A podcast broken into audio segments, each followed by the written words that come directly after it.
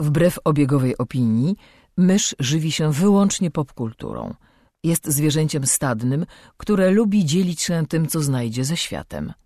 Jej naturalnym sposobem komunikacji jest przerywany śmiechem słowotok. Słuchacie podcastu Myszmasz.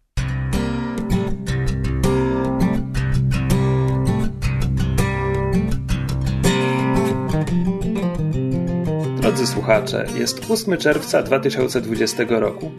Tego dnia, w 1929, Margaret Bondfield została pierwszą ministrą w rządzie Wielkiej Brytanii. Zapraszam do 255 odcinka podcastu Myszmasz. Cześć, jestem Krzysiek Saran, a przy mikrofonach w innych częściach miasta siedzą Mysz Halo! i Kamil. Głowa mnie boli i wszystko jest do dupy. Okej. Okay. Ponieważ e, jeśli śledzicie e, newsy albo macie internet, e, być może e, wiecie, że e, odkąd nagraliśmy ostatni odcinek, wiele się na świecie, zwłaszcza w Stanach, wydarzyło. E, a ponieważ nagrywamy podcast o popkulturze, to pierwszy powód, a drugi powód jest taki, że kwestie społeczne i równościowe są nam bliskie i są dla nas ważne. Ja bym chciała powiedzieć taką rzecz, mianowicie wiem to po sobie i po bardzo wielu osobach, e, które znam, ale też po szerszym internecie, że teraz bardzo wiele osób pragnie się dokształcać w kwestiach, że tak powiem, działań antyrasistowskich. Między innymi jedną z nich jest edukowanie się w kwestiach sztuki czy też dzieł tworzonych przez czarnoskórych twórców, czy opowiadających właśnie o kwestiach rasizmu, e, życia czarnoskórych osób, tego jak to jest. I jak donoszą um, amerykańskie media, jednym z w tym momencie najchętniej oglądanych filmów na Netflixie jest film The Help, czyli Służące. I fajnie, że ludzie się poczuwają i, i, chcą się dokształcić, ale. I zaczynają od laurki o białej bohaterce, która pomaga, tak? Tak, zaczynają, zaczynają od filmu, który. Znaczy, inaczej. Absolutnie rozumiem, że w tych okolicznościach oglądanie filmu, który mimo wszystko jest właśnie taki podnoszący na duchu i, i w jakiś sposób ciepły, jak, ty to, jak, jak to powiedziałeś, Laurka, jest zrozumiałe. Jakby nie, nie dziwię się też, że wszyscy się teraz jak e, po prostu jak, e, wiesz, e, wypuszczeni rzucili na nowy sezon Queer Eye, bo po prostu potrzebujemy teraz czegoś um, puchatego i, i, i tęczowego, żeby nas wszystkich w jakiś sposób podnieść na duchu. Natomiast y, oglądanie właśnie y, dzieł, czy czytanie, pochłanianie dzieł, które mają szkodliwe tropy, w tym wypadku tak zwany white savior trope, czyli właśnie ten, e, ten taki schemat białej osoby, która, która postanawia uratować, prawda, czarnoskórą społeczność od ich losu albo w jakiś sposób pomóc i ta narracja wtedy się skupia na niej zamiast na tej społeczności. No, tworzy pewne e, problemy i wpisuje się w szkodliwą narrację, więc nie chcę tutaj wchodzić w żadne skomplikowane kwestie polityczne, bo y, nie mam ku temu zasobów i wiedzy. Ale ponieważ jesteśmy podcastem popkulturalnym, to, to chciałabym uczulić naszych y, słuchaczy, żeby pochłaniali popkulturę krytycznie. To znaczy, żeby zastanawiali się, po jakie dzieła sięgają, czyją historię te dzieła opowiadają, jakby z jakiej perspektywy. I wydaje mi się, że tutaj jednym z takich najprostszych rzeczy, które możemy zrobić, jeżeli chcemy się dokształcić w kwestii um, zjawiska systemowego rasizmu w Stanach, um, tego jak wygląda życie osób czarnoskórych i z czego wiele rzeczy wynika, to jest właśnie sięganie po dzieła czarnoskórych twórców. Um, I to jest jakby najprostszy sposób, żeby nie zawsze, ale w większości uniknąć właśnie e, oglądania tego typu e, białych laurek, czy, czy historii, które są, które poruszają kwestię rasizmu, ale w sposób, który niekoniecznie jest pomocny i konstruktywny dla całej większej dyskusji. I to tyle. Ładnie powiedziane. Dziwnie jest was widzieć. Co, mamy się wyłączyć? Nie, nie, po prostu jestem, już się tak przyzwyczaiłam do tego, że czekam, aż ktoś coś powie, że patrzenie na wasze pyszczki mnie tak yy, rozkojarzy. Hihi. Dobrze, ale ponieważ w międzyczasie minęły dwa tygodnie, to zakładam, że część z nas e, coś e, zdołała skonsumować popkulturalnie, więc może przejdźmy do tego. Zejdźmy z naszej ambony. Myszu, zejdź z ambony. Ze swojego ten pudełka.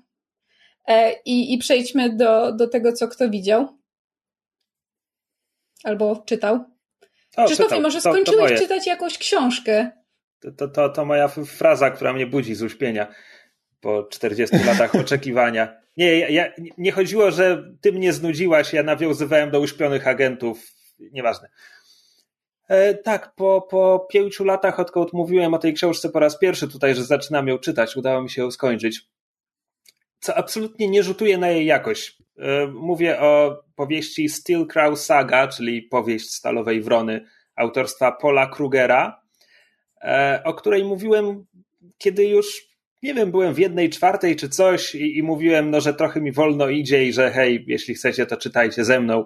Więc jeśli zaczęliście wtedy czytać ze mną, to pewnie mnie wyprzedziliście nie dlatego, że jest zła, czy że czegoś jej brakuje, tylko że e, jakby narzucona kwarantanna, którą sobie narzuciłem, rozbiła mi kompletnie mój rytm czytania. Jakby ja czytam głównie w komunikacji publicznej, którą nie jeżdżę od trzech miesięcy, więc e, w związku z tym przeczytanie tej książki zajęło mi tyle czasu, a jest fajna, jest sympatycznym takim. E, to jest, to jest powieść fantazy, która jest po prostu powieścią przygodową z trochę głębszym, nie przesłaniem, ale e, trochę, trochę ciekawszym nakreśleniem świata niż zwykle, którą da się łatwo sprowadzić do, do powiedzenia, że to jest, to jest awatar pożeniony z Pokémonami. I jest w tym prawda mówimy o Avatar The Last Airbender, nie o awatarze Jamesa Camerona, to byłoby chyba jeszcze dziwniejsze. Okej, okay, e, bo w pierwszej chwili pomyślałem o tym Jamesa to znaczy, Camerona. Ja też. Tak. To jest, to jest, jesteście jedynymi ludźmi, którzy myślą o tym filmie, słysząc hasło awatar, naprawdę. E, przynajmniej w Nie, po prostu jakoś powiedziałeś o Pokémonach i o awatarze i byłem, myślałem, że może się e, jest w cudzym ciele czy coś takiego, ale okej. Okay. Okej. Okay. E, to jest jedna z tych książek, gdzie najpierw muszę przez parę minut nakreślić świat, zanim zacznę mówić o tym, jaka jest fabuła i o co tam chodzi.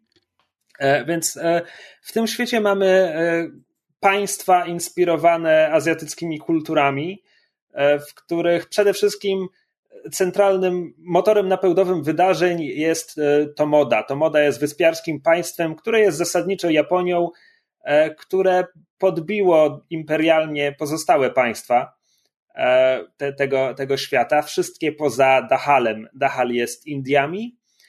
E, wszystkie pozostałe to mówimy o Imperium Shang, które jest Chinami i archipelagu Sanbuna, który z kolei jest inspirowany Filipinami. Przy czym, o ile wszystkie pozostałe były dla mnie łatwe do odkodowania, okazało się, że o kulturze Filipin nie wiem absolutnie nic, więc dopiero jak wygooglałem nazwę narodowej potrawy, to mi wyskoczyło, że a, kuchnia filipińska, dobrze, to wiem, gdzie jestem. E, autor Paul Kruger jest, jest z pochodzenia częściowo Filipińczykiem. E, więc e, to moda podbija te wszystkie inne, inne państwa poza Dahalem, a potem przeciwko Tomodzie wybuchają powstania, między innymi finansowane przez, przez Dahal, który obawiał się, że będzie następny. Więc moment, w którym zaczyna się akcja, to jest zasadniczo ten moment, w którym zaczyna się akcja serialu Avatar The Last Airbender. To znaczy, Naród Ognia podbił już prawie wszystko, tam jeszcze Królestwo Ziemi się utrzyma i teraz śledzimy bohaterów, którzy będą z tym walczyć. Ale to jest tylko prolog, ponieważ e, akcja powieści zaraz po prologu przeskakuje 10 lat później, parę miesięcy po tym, jak to moda została ostatecznie pokonana. Już jakby sprzymierzone siły tych pozostałych nacji wylądowały na, e, na archipelagu tomodańskim, zajęły stolicę, wojna została wygrana i książka skupia się na tym, co potem, bo jedyny pozostały przy życiu dziedzic tomodańskiego tronu jest w sanbuńskiej niewoli, no i zasadniczo całkiem sporo osób chciałoby, chciałoby go po prostu ściąć za, za winy Tomody, no a parę innych stwierdza tak bardziej dalekowzrocznie, że e, no żeby odbudować świat, czy żeby zbudować jak, jakiś nowy porządek na świecie, potrzebujemy jednak to mody, która będzie przez kogoś zarządzana. Nie możemy po prostu wbić się tam i rozwalić kraju, no bo to tylko e, wywoła kolejne problemy w perspektywie kilkudziesięciu lat. W związku z czym intryga rozgrywa się wokół, e, wokół niebiańskiego księcia Jimuro, który jest transportowany z Sanbuny, gdzie był w niewoli, do Tomody No i różne siły chcą położyć na nim łapę, bo na przykład cesarstwo Shang to by jednak wolało go ściąć najprawdopodobniej. E, no a pozostali próbują, próbują go chronić. I tutaj mamy, w powieści mamy czwórkę bohaterów. Sam Jimuro jest jednym z naszych bohaterów. Jest sierżantka Tala, z Sanbuny, która ma za zadanie go chronić, chociaż oczywiście go nienawidzi, no bo Tomodańczycy zabili całą jej rodzinę, ona toczyła partyzancką wojnę przez pół swojego życia e, i tak dalej. E, mamy księżniczkę Shang, która jest jednocześnie agentką tam, tamtejszej bardzo specjalnej policji. E, I mamy złodziejkę, którą ta księżniczka wyciąga z więzienia, żeby pomogła jej odnaleźć księcia Jimuro. Jest ku temu pewna przesłanka, nie będę się w to zagłębiał. E, przy czym złodziejka nie jest e, Shank, złodziejka jest e, Jongson Nezyjką. Jongson jest Koreą. Co oznacza, że w ramach tego świata Jongson był najpierw tłamszony przez stulecia przez Shang, a potem pod okupacją Tomodańczyków też nie wiodło im się lepiej. Co od razu oznacza, że jeśli chodzi o ten world building i o rzeczy, których się dowiadujemy o tym świecie, to ja o Dahalu nic wam więcej nie powiem, bo, bo mamy pięć nacji i czwórkę bohaterów i, i Dachal jest tym, dla którego zabrakło krzesełka. E, w związku z czym oni tam po prostu są. Jeśli chodzi o całą resztę, najwięcej dowiadujemy się o ich kulturach z perspektywy poszczególnych bohaterów większość akcji toczy się bezpośrednio na Tomodzie, w związku z czym Tomoda jest eksplorowana tutaj najbardziej. A poza tym, że oni mieli imperialistyczne zapełdy w ramach tych podbojów, e, dochodzi do tego magia i filozoficzne zapatrywanie się na magię tego świata, ponieważ większość narodów wykorzystuje magię do paktowania z cieniami. Znaczy oni to nazywają cieniami, cienie to tak naprawdę zwierzęta. Możesz paktować ze zwierzęciem i ono zaczynasz dzielić z nim duszę. Ono, ono staje się takim bytem, który normalnie egzystuje po prostu jako energia w tobie, ale możesz, krzycząc jego imię, oczywiście, możesz je przywołać na świat i wykorzystać w walce. Tutaj skojarzenia z Pokémonami. Aczkolwiek jedna osoba może paktować tylko, tylko z jednym e, zwierzęciem. To bardziej Power Rangers. No tak, ale Zielony Ranger nie biegał z Pikachu, więc jednak bardziej Pokémony. A... Ale czasami to... biegają z Zordami. No tak, ale to nie są. Znaczy, ja nie wiem, czy to są świadome zwierzęta. Nie oglądałem Power Rangers od dwudziestu wielu lat, więc nie będę się wypowiadał. E, w każdym razie. W najnowszym jest... sezonie są roboty, które są zwierzętami, które są świadome i Czemu ty to wiesz? Czasami towarzyszą Power Rangersom na misjach. Nie, nie możemy powiedzieć, dlaczego to wiemy. Aha, rozumiem. E, nikt nie złamie tego szyfru. E, no dobrze, e, w każdym razie. Mm, więc tak, więc większość świata wykorzystuje magię do tego, poza to modą, ponieważ to moda, przede wszystkim oni wykorzystują magię inaczej. Oni wykorzystują magię do paktowania z metalem, więc tu wracamy do awatara i jeśli kojarzycie, na czym polegała magia metalu w awatarze, metal bending, to to są to modańczycy. E, zresztą nawet do tego stopnia, że bliżej końca książki pojawia się specjalna jednostka tomodańczyków, która wykorzystuje kable i to, to jest po prostu policja z legendy Kory. E, jeden do jednego praktycznie.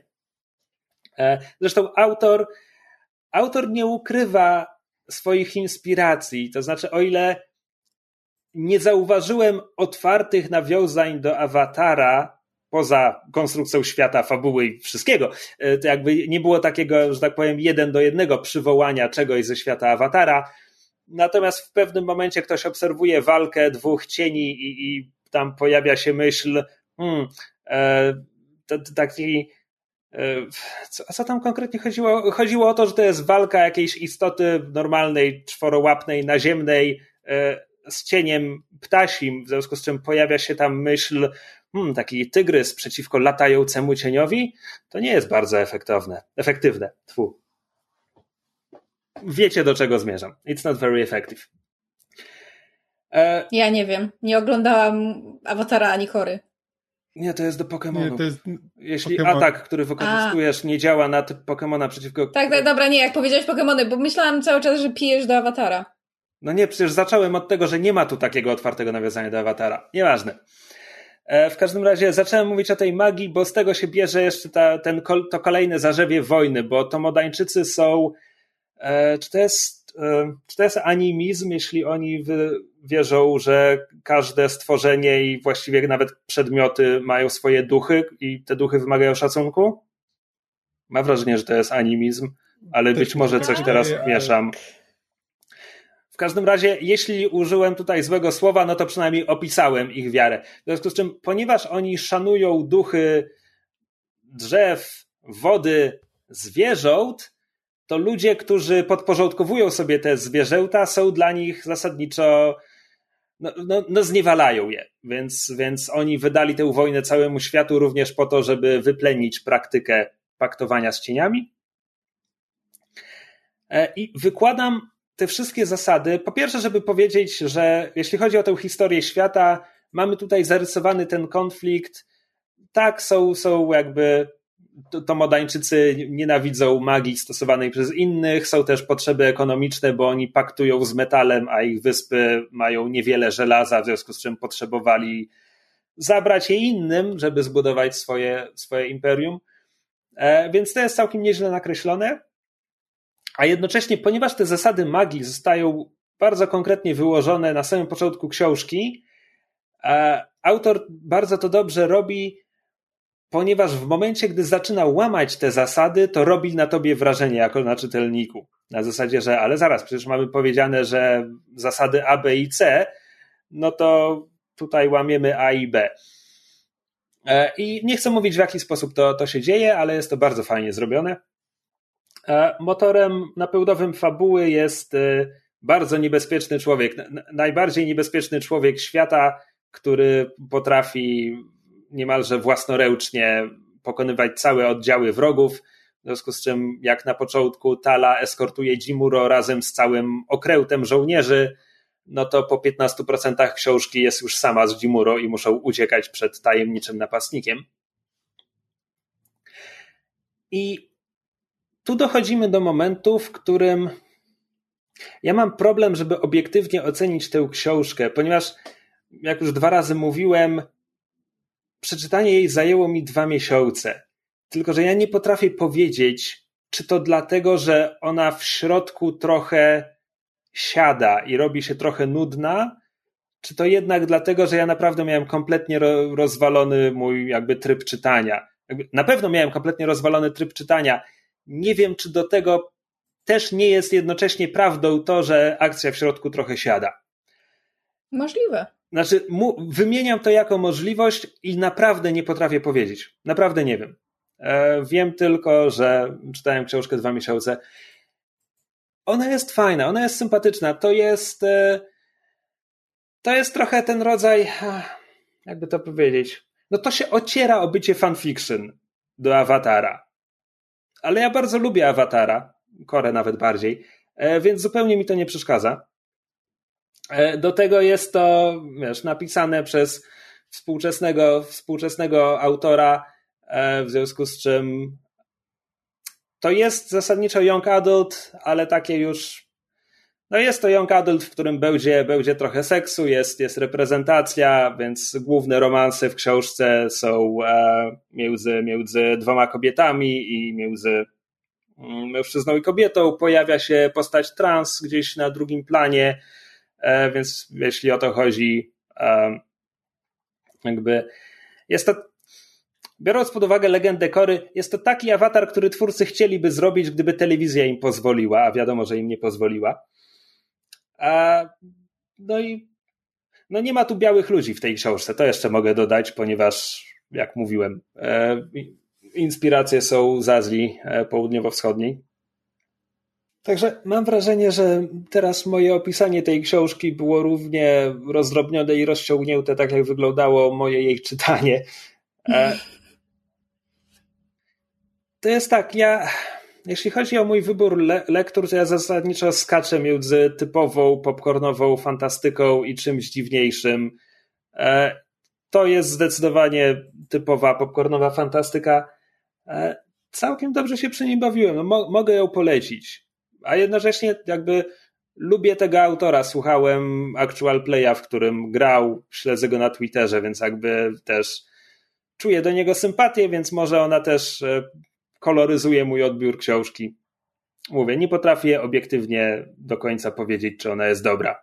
Mi się podobała, ale czytałem ją dwa miesiące i już nie będę nic więcej mówił na jej temat. Brzmi fajnie. No dobra, no to Myszu, czy ty coś oglądałaś? Bo ja w tym tygodniu nie, nie mam o czym mówić, ale jestem w stanie dopowiedzieć coś do tego, o czym ty będziesz mówiła. E, to może za moment, bo e, chciałabym jeszcze wspomnieć, e, zanim przejdziemy do omawiania serialu, który chyba wszyscy żeśmy w jakimś stopniu widzieli, to w jakim stopniu jest tutaj istotnym kwantyfikatorem. Chciałam wspomnieć, ponieważ oglądałam nowy stand-up Hannah Gatsby, którą możecie kojarzyć, ponieważ parę lat temu miała bardzo, bardzo dobry i, i bardzo, że tak powiem, popularny, rozniósł się dużym echem stand-up pod tytułem Nanette. E, który, znaczy tak, nazywanie tego stand-upem jest trochę... Um, Ocierał się o monodram. Tak, dokładnie. E, I, i Douglas, e, Douglas to jest ten drugi stand-up, który, który niedawno wyszedł, możecie go już oglądać na Netflixie. Jest trochę bardziej już stand-upem niż na net, plus jakby Hannah Gatsby w nim uwzględnia um, uwagi krytyczne, które usłyszała pod adresem na net i jakby się do tego, do tego odnosi i, i do tego, e, jakim echem się ten, ten, ten stand-up, ten program e, rozniósł. E, I powiem tak, Douglas jest, powiedziałabym w pewnym sensie mniej poruszający niż na net, no bo na net było bardzo osobistą, bardzo poruszającą historią. Znaczy, przy tym momentami szalenie zabawną, ale to to nie było coś, co się łatwo oglądało momentami. Um, w, sensie nie, że było złe, tylko było po prostu poruszające i porusza e, ciężkie tematy w bardzo, bardzo inteligentny sposób. Um, Douglas jest pod tym względem e, mniej jakby mniejszy ciężar jakby kładzie na widza. Um, po części dlatego, że jest właśnie częściowo komentarzem do na net, częściowo odejściem od, od tego i jakby e, pokazaniem, że, e, że, że Hannah Gatsby e, potrafi coś więcej, a nie tylko właśnie, że jakby na net jej się, jej talent czy jej umiejętności komediowe się nie kończą, co jest o tyle jakby przewrotne, biorąc pod uwagę, że Nanette było też w pewien sposób jej krytyką stand-upu i komedii i taką deklaracją, że to jest ostatnia rzecz, którą zrobię w kwestii komedii, że potem odchodzę, jakby nie będę już, nie będę już komikiem. Po czym jakby w Douglas poniekąd musiała te słowa nawet nie tyle odczekać, co jakby właśnie przy tworzeniu Douglas e, musiała się zastanowić, jak, jak ugryźć ten temat, biorąc pod uwagę, że się odgrażała, że, że nigdy więcej nie wystąpi na scenie. Um, i Douglas jest w dużej mierze właśnie jakby odniesieniem się do całej narracji, która powstała wokół Nanette i przede wszystkim krytyki, zwłaszcza ze strony y, cis-białych y, heteromężczyzn, którzy się poczuli urażeni, e, która się wokół tego rozpętała. E, ale to, co mi, mi się najbardziej podobało i to, co jest cudowne w bardzo podobny sposób, jak było w Nanette, to znaczy jest taka nie chcę tego nazwać przewrotnością, bo mam wrażenie, że to, ma, to słowo ma negatywne konotacje, ale taki bardzo duża świadomość formy w tym, jak Douglas jest e, stworzony, bo Douglas jest przede wszystkim um, jakby materiał dotyczy tego, że Hannah Gatsby, Gatsby um, w dość późnym wieku, stosunkowo niedawno, miała um, zdiagnozowany autyzm, w sensie, że jest na spektrum autyzmu. I to, co mi się najbardziej podoba w, w, w Douglas jest to, że cały stand-up w swojej jakby formule, w tym jak jest rozplanowany i jak jest napisany, jest skonstruowany w sposób, który u swych podstaw ma pokazać, jak potrafią myśleć osoby autystyczne i nam go przybliżyć. Na przykład, to jest drobny spoiler, Hannah Gadsby zaczyna um, zaczyna Stand Up Douglas od prologu, w którym nam mówi wszystkie kolejne rzeczy, które będzie w tym stand-upie omawiała. To znaczy na zasadzie, że poruszę ten temat, te kwestie, będzie taki żart, będzie taki żart, tutaj zrobię dygresję na temat tego, tu zrobię wam wykład z historii sztuki, a potem na końcu będzie jeszcze to, to i to. I jest coś właśnie cudownie takiego no, przewrotnego w pewnym sensie, że jakby, no bo komedia w dużej mierze polega na tym, że robisz setup, przygotowujesz jakby widownię, znaczy stwarzasz u widowni pewnie oczekiwania, a potem je odwracasz jakby mówiąc puentę, puentę dowcipu, jakby na tym między innymi polega humor.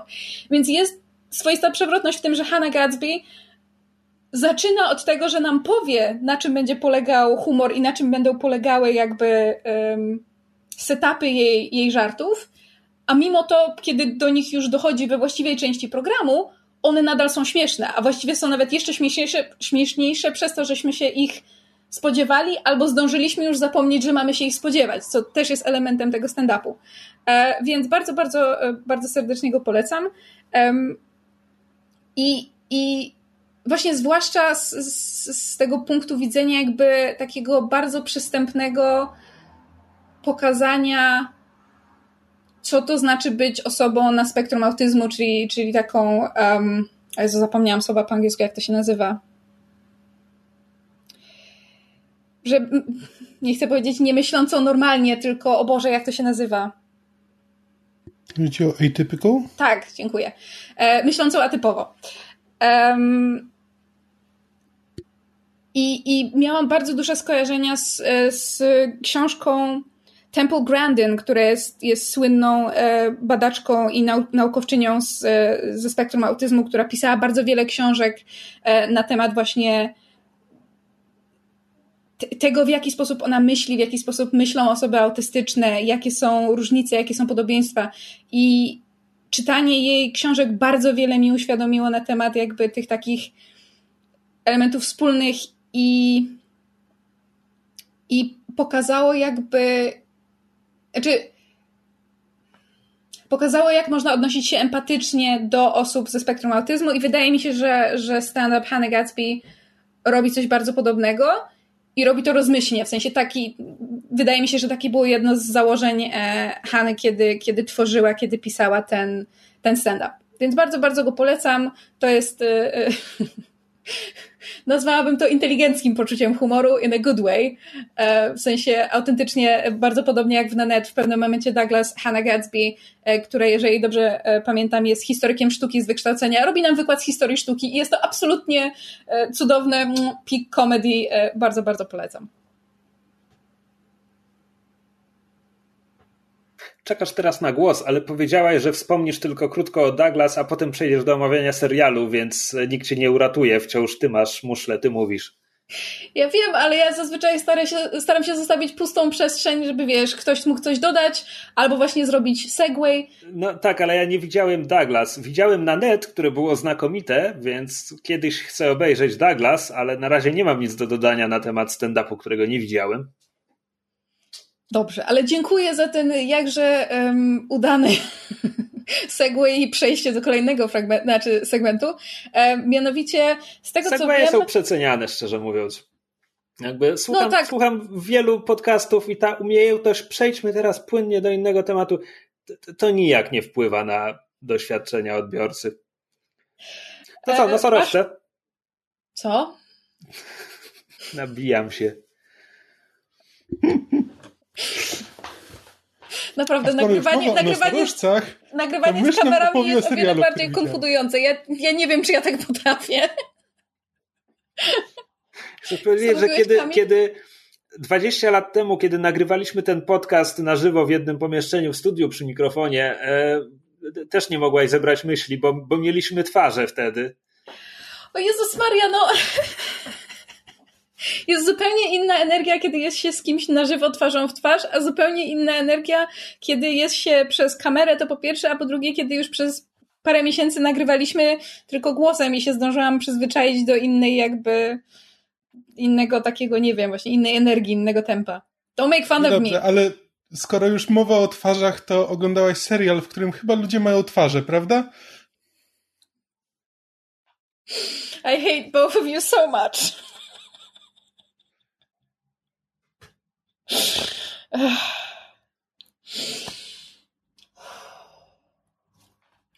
Dobrze.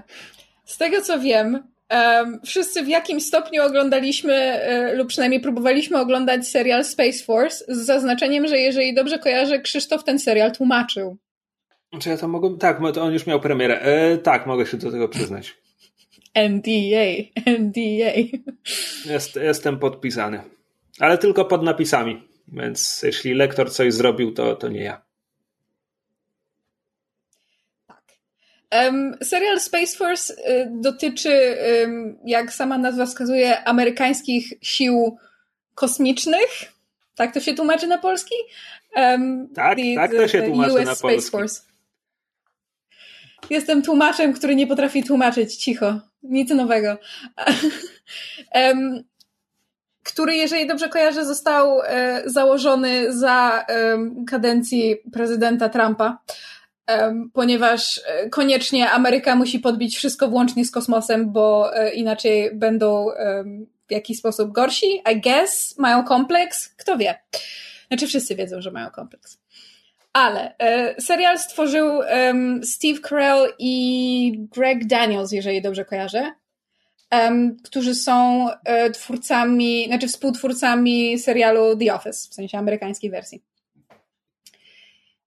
I myślę, że poniekąd ta, że tak powiem, spuścizna, czy ten taki e, świadomość tego, że to jest serial twórców The Office, um, bo to też chyba w materiałach reklamowych było podkreślane, w dużej mierze mogło serialowi zaszkodzić, a na pewno mu nie pomogło ale z drugiej strony jakby ja nie oglądałam The Office i bardzo wiele z produkcji, za które ci, ci twórcy odpowiadają, też nie, nie jest mi znanych, więc ja na przykład oglądałam ten serial bez, bez porównywania tego do The Office na zasadzie, a w The Office to było zrobione lepiej, albo tam, nie wiem, Parks and Rec zrobiło to lepiej, czy cokolwiek. Może zacznijmy od przybliżenia fabuły Kamil? Nie, chciałem powiedzieć, że jakby porównania do The Office są. E, że prawdopodobnie więcej może mieć to wspólnego z Parks and Rec e, w sposobie, w jaki e, pisane są postaci, ale te powiązania mm, są no dobra, może, znaczy... może załóżmy, że słuchają nas ludzie, którzy nie widzieli ani odcinka Space Force, więc e, po pierwsze, bo mówimy o The Office i Parks and Rec, pierwsza różnica polega na tym, że Space Force nie jest, nie udaje dokumentu, jest po prostu serialem fabularnym, e, nie, nie udajemy, że bohaterowie widzą kamery.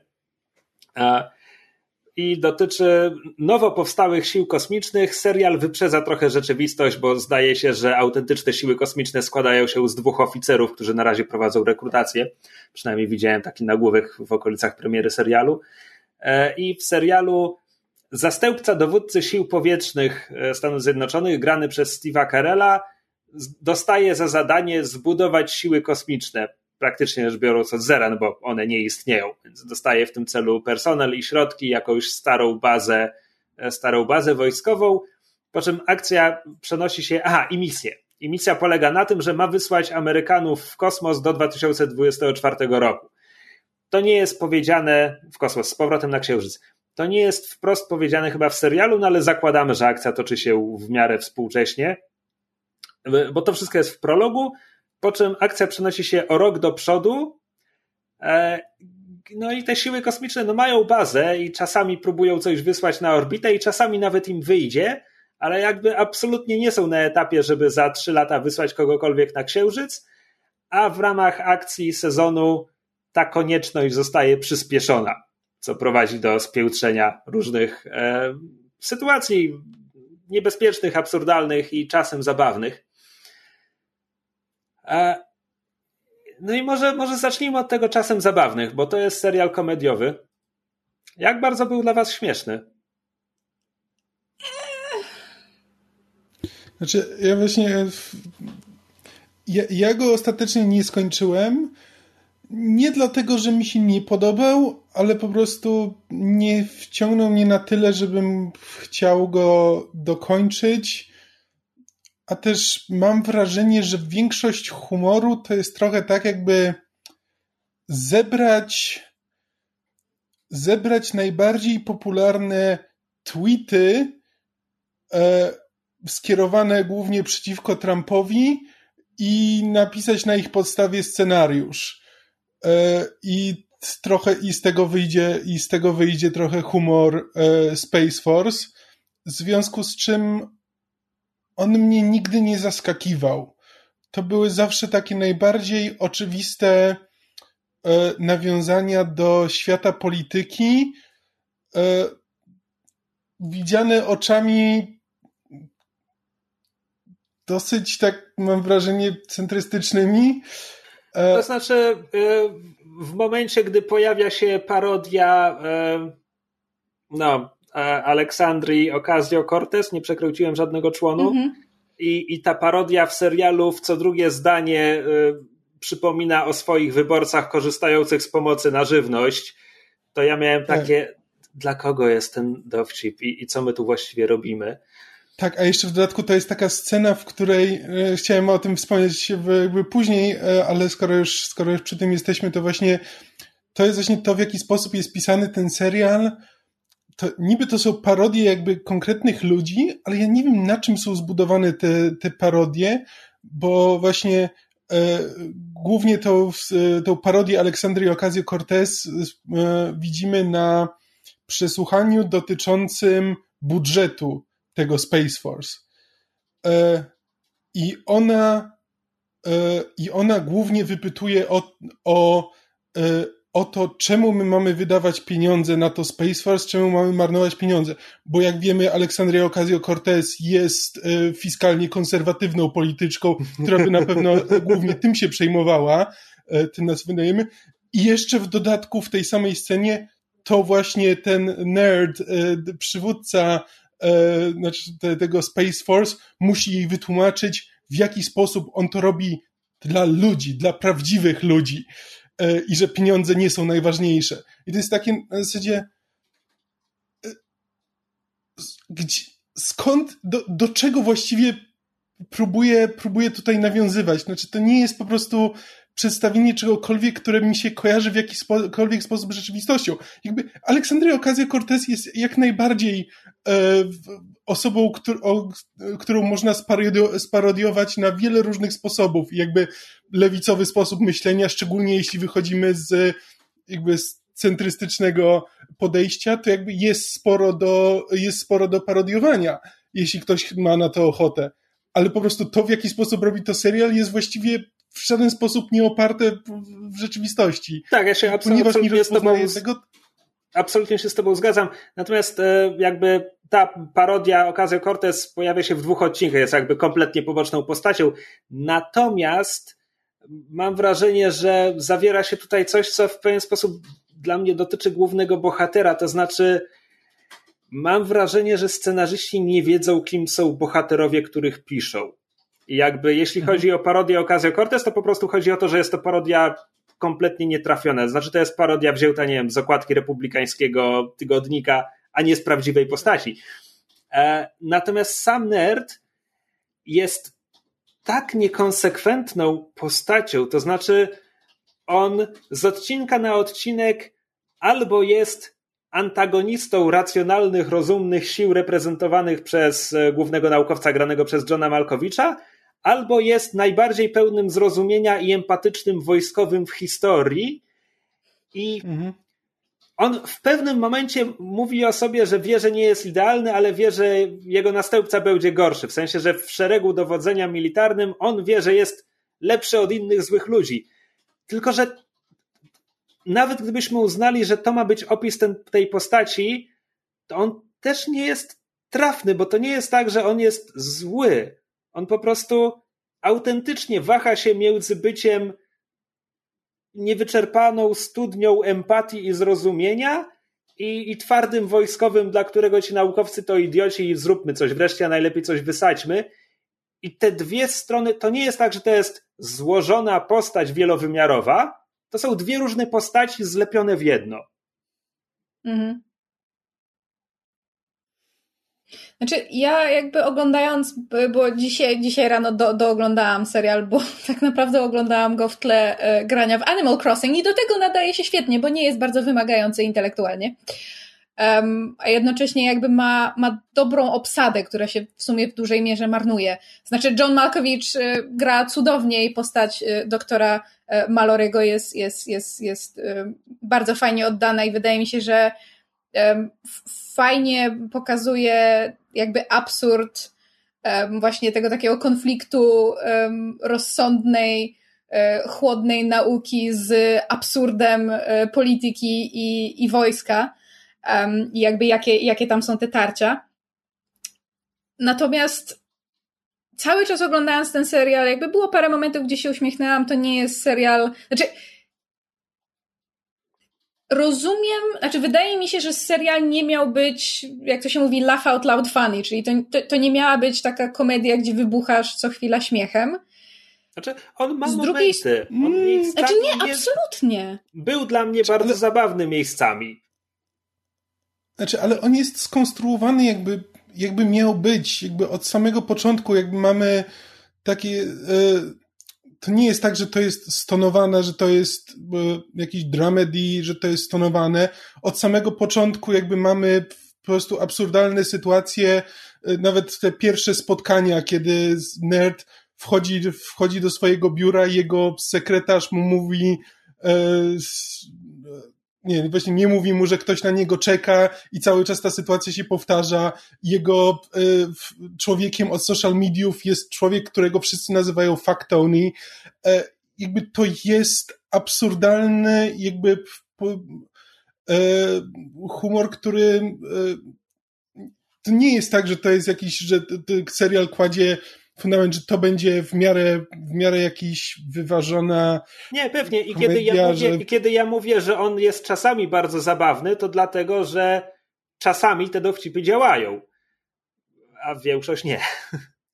Nie, no tak, tylko że po prostu chodzi mi o to, że to nie jest do końca, znaczy po prostu nie mam wrażenia, że to jest zamierzony efekt, że to nie zawsze będzie takie bardzo śmieszne, tylko po prostu jakby twórcy nie potrafią być bardzo śmieszni. Znaczy, rozumiem o czym mówisz i poniekąd się zgadzam, ale też dlatego wspomniałam o tych oczekiwaniach ludzi, którzy, którzy um, lubili The Office i Parks and Rec, bo mam wrażenie, że w tamtych serialach jakby, ponieważ przy tamtych serialach właśnie ludzie je wymieniają jako jedno z najlepszych seriali komediowych, przy których właśnie, wiesz, się śmiejesz do bólu brzucha i tak dalej. Wydaje mi się, że dlatego te porównania były szkodliwe, bo bo, bo właśnie mam wrażenie, że ludzie mieli oczekiwania pod tytułem to będzie, to będzie tego typu serial. Zgadzam się, że, że twórcy twórcy poniekąd jakby nie dostarczyli w tym względzie, w sensie często też mam wrażenie, że oni myślą, że są śmieszniejsi niż w rzeczywistości, ale tak naprawdę nie mam, nie mam tak dużego problemu z tym, że serial um, jest tylko ok pod względem jakby poziomu, um, znaczy nie poziomu poczucia humoru, tylko jakby częstotliwości, nasycenia może tak, um, nasycenia jakby takim humorem czy komedią, ale mam bardzo dużo do zarzucenia, jakby moja największa kretynka. E, e, kretynka. Mm. Kto jest twoją największą kretynką? Me in this moment. E, moją największą krytyką w stosunku do serialu jest to, że jak na, trochę nawiązując do tego, co, co, co mówiliście o, o jakby jak, jak próbuje parodiować, czy, czy, czy, czy jak próbuje, że tak powiem, użyć satyry, Mój największy problem jest taki, że robi to za mało, w sensie jakby.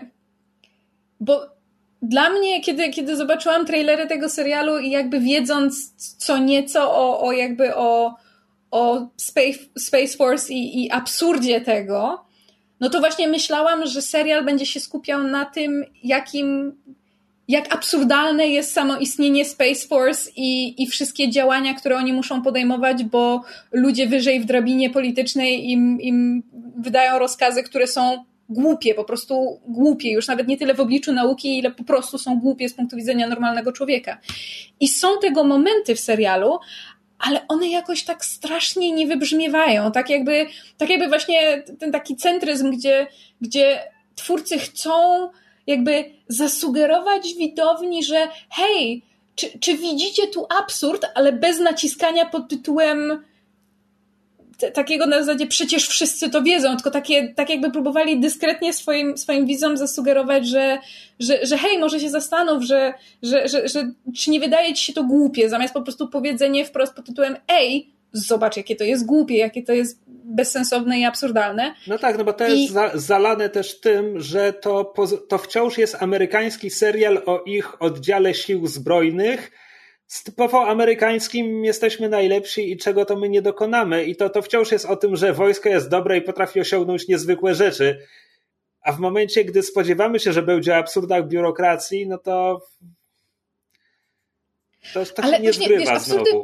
Absurdy biurokracji jakby to też jest ten problem, że jakoś mam wrażenie, że serial jakby próbując tak wyważyć te wszystkie elementy i nie nie nacisnąć, znaczy jakby nie, nie, nie, nie pójść zbyt mocno w, w pewne konkretne kierunki, za bardzo polegał na takim workplace comedy humor, właśnie takim ala The Office, ala Parks and Rec, zamiast pójść bardziej w stronę na przykład takich seriali jak VIP, które jest bardzo mocno polityczno-satyryczne i jakby wydaje mi się, że to powinien, jakby to powinien być kierunek, w którym ten serial e, jakby powinien był pójść, z, jak, z jakim zamysłem powinien być tworzony. Może był, tylko że znowu jakby mam takie silne wrażenie, że twórcy po prostu w pewnym momencie sobie, wiesz, e, nałożyli sobie kaganiec, czy po prostu wcisnęli hamulec pod tytułem o nie, nie, bo, bo nie daj Boże kogoś obrazimy, a chcemy, żeby wszyscy nas oglądali.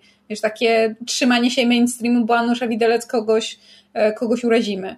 I, i that doesn't make good comedy. Tak, to jest, jest tym bardziej absurdalne, że znaczy ja rozumiem, że prawdopodobnie Greg Daniels jest bardziej e, przyzwyczajony do tworzenia seriali dla e, telewizji sieciowych, ale kiedy robi serial dla Netflixa, to naprawdę takie trzymanie się tego, żeby aby na pewno wszystkim się to podobało i nie wzbudziło jakichś kontrowersji, jest, e, jest absurdalne, bo, bo streamingi tak nie działają i wcale, wcale to nie jest najważniejsze. No, ale wiesz.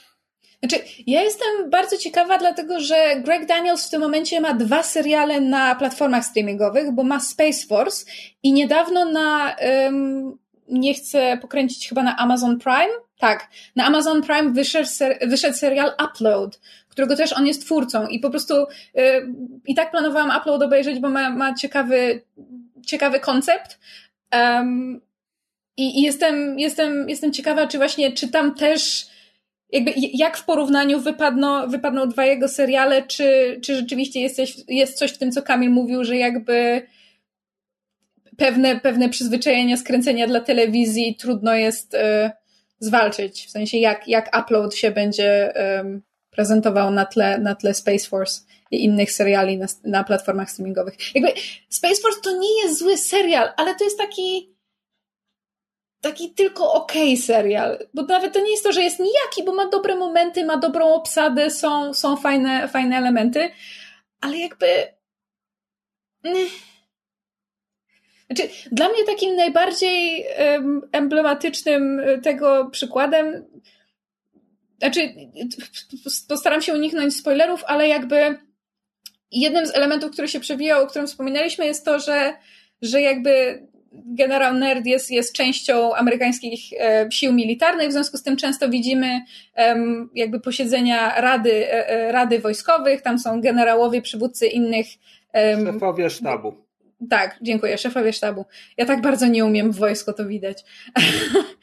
um, i, I jakby bardzo często, znaczy oni się śmieją z Nerda, że on właśnie dostał taki absurdalny, durny przydział pod tytułem Wszyscy wiedzą, że Space Force to jest wydmuszka i chodzi tylko o to, żeby ugłaskać prezydenta ale właśnie jest w tym, w tym, w tym wszystkim to takie, e, wiesz, właśnie, o, my amerykańskie wojsko, jacy to my nie jesteśmy i, i jesteśmy super. I z jednej strony to jest, to jest bardzo, bardzo um, mocno jakby podkreślane, A z drugiej strony, kiedy w jednym z ostatnich odcinków jest scena, kiedy mimo tych wszystkich absurdów pod tytułem wszyscy mówią, że a tak, e, najlepszym rozwiązaniem na problemy militarne jest rzucić na kogoś bombę, albo e, nasze wojsko jest najlepsze i stłamsimy wszystkich pod swoim butem. I na sam koniec serialu jest scena, kiedy wszyscy szefowie sztabów mówią ej nie, to jest zbrodnia wojenna, my jesteśmy przeciw, my tego nie zrobimy i to w ogóle nie wybrzmiewa, jest, jest dla mnie jakby takim sygnałem, że no kurczę, gdzieś, gdzieś te takie poziomy, gdzieś te takie suwaki właśnie, nie wiem, komedii, absurdu, satyry, komentarza politycznego i tego wszystkiego się po prostu nie, nie zgrały, bo ta scena powinna być takim mocnym, o, to, to jednak jest w nich jakieś człowieczeństwo i to nie jest tak, że um, wszystko robią kompletnie bezmyślnie i że są świadomi tego, e, w jakiej sytuacji się znajdują. I to myślę, prostu... to może być, to może być związane, znaczy nie widziałem tej sceny, bo nie dotarłem do końca, ale gdybym miał zgadywać, to może być związane z tym, o czym mówił jakby Krzysiek, że te po prostu charaktery, że kiedy charaktery postaci jakby zmieniają się z odcinka na odcinek i nie są, e, nie są stabilne, nie mamy jakby poczucia, kim właściwie jest ta postać, to jeśli później serial próbuje zbudować jakąś, jakiś moment, kiedy następuje przełom e, postaci, to to nie wybrzmiewa, bo nie mamy zbudowanego tego fundamentu, kim właściwie jest ta postać i co by miał dla niej znaczyć ten przełom. Znaczy, to znaczy, nie wiem, czy tu się e... zgadzam, bo jakby te, te postaci ze sztabu, o których mówię, są w miarę konsekwentnie prowadzone, tylko po prostu. A przede wszystkim ten... są na tyle epizodyczne, że to też nie no, jest tak. tak, że widzimy. To, to nie. Nerd jest głównym bohaterem i on naprawdę z odcinka na odcinek e, jest jak chorągiewka E, tamci mhm. są epizodyczni, pojawiają się raz na parę odcinków i zasadniczo przed tym finałem są zawsze prezentowani e, jednolicie. Przy czym nie powiedziałbym, że moment, w którym oni. Oni, oni się nie buntują ostatecznie. Oni tylko mówią tak, żeby potem w razie czego móc powiedzieć, ja byłem przeciw. I jak no dla tak, mnie ale właśnie to jest fakt, jednolite. że serial tego ale znaczy, ale, zgadzam ale, się z tym, że jest jednolite. Moim, moim, zdaniem, moim zdaniem właśnie to byłoby wręcz jeszcze bardziej fałszywe, gdyby serial zrobił te, z tego taką dużą scenę na, pod tytułem Honor żołnierza nam nie pozwala i teraz jest smutna muzyka, jak wszyscy składamy odznaki i rezygnujemy w ramach sprzeciwu.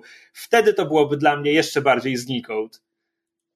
Tak, ale znaczy nie chodzi mi o to, że to było źle rozegrane pod względem tego, że właśnie powinni się, wiesz, rozdzierać koszulę jak Rejtan pod tytułem nie, nie przejdziesz, you shall not pass, tylko że jakby sam serial nie, jakby nie podkreśla jak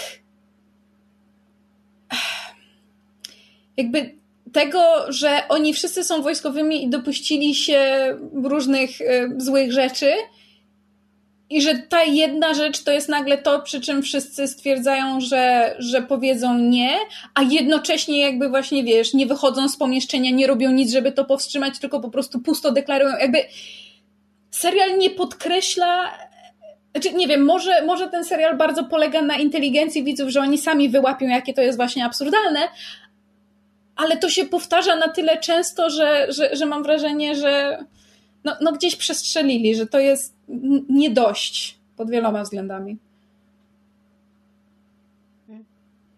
Ale nie jest jakoś super bolesne, w sensie oglądanie.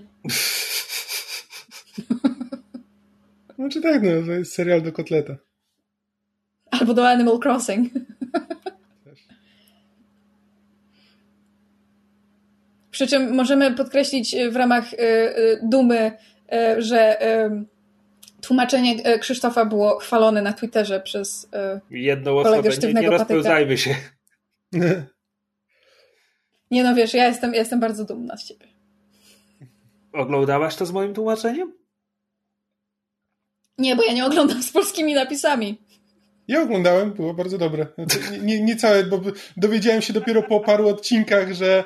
E, znaczy, tfu, nie to, że całe, że to nie, nie całe tłumaczenie było bardzo dobre, tylko nie całe, nie całe to, co obejrzałem, widziałem z Twoimi napisami, tylko ostatnie chyba dwa odcinki, bo na początku nie wiedziałem, zapomniałem, że Ty to tłumaczyłeś i dopiero jak sobie przypomniałem, to włączyłem.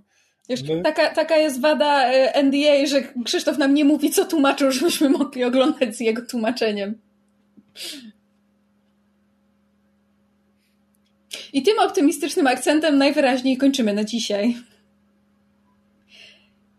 Dziękujemy Wam bardzo za uwagę. Jeżeli macie jakieś komentarze, przemyślenia, pytania, sugestie, to jak zwykle możecie komentować pod tym odcinkiem na YouTubie albo na naszym fanpage'u na facebooku podsłuchane.pl lub wysyłając nam maile na kontakt małpa.podsłuchane.pl. Różnego rodzaju nasze adresy znajdziecie na stronie podsłuchane.pl. Możecie też nas ścigać, e, że tak powiem, prywatnie, indywidualnie na różnych, social media, gdzie wszyscy w większym lub mniejszym stopniu jesteśmy. Bardzo gorąco zachęcamy do e, słuchania i oglądania sesji na podsłuchu naszej innej e, twórczości RPGowej e, i do dołączenia do grupy na Facebooku. Grupa się nazywa Sesja na Podsłuchu po prostu, gdzie ludzie rzucają bardzo dużo fajnych fanartów i przemyśleń i omawiają kolejne odcinki e, i przerzucają się przemyśleniami na temat RPGów.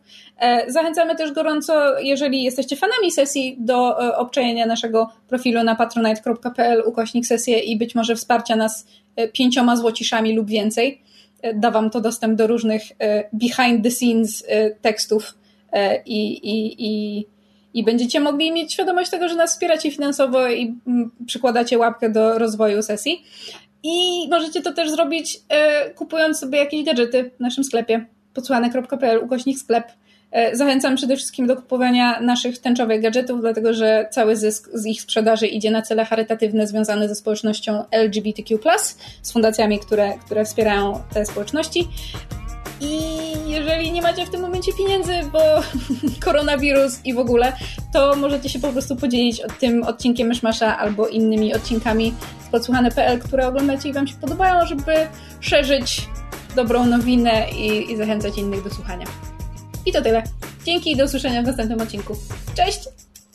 Na razie. Cześć!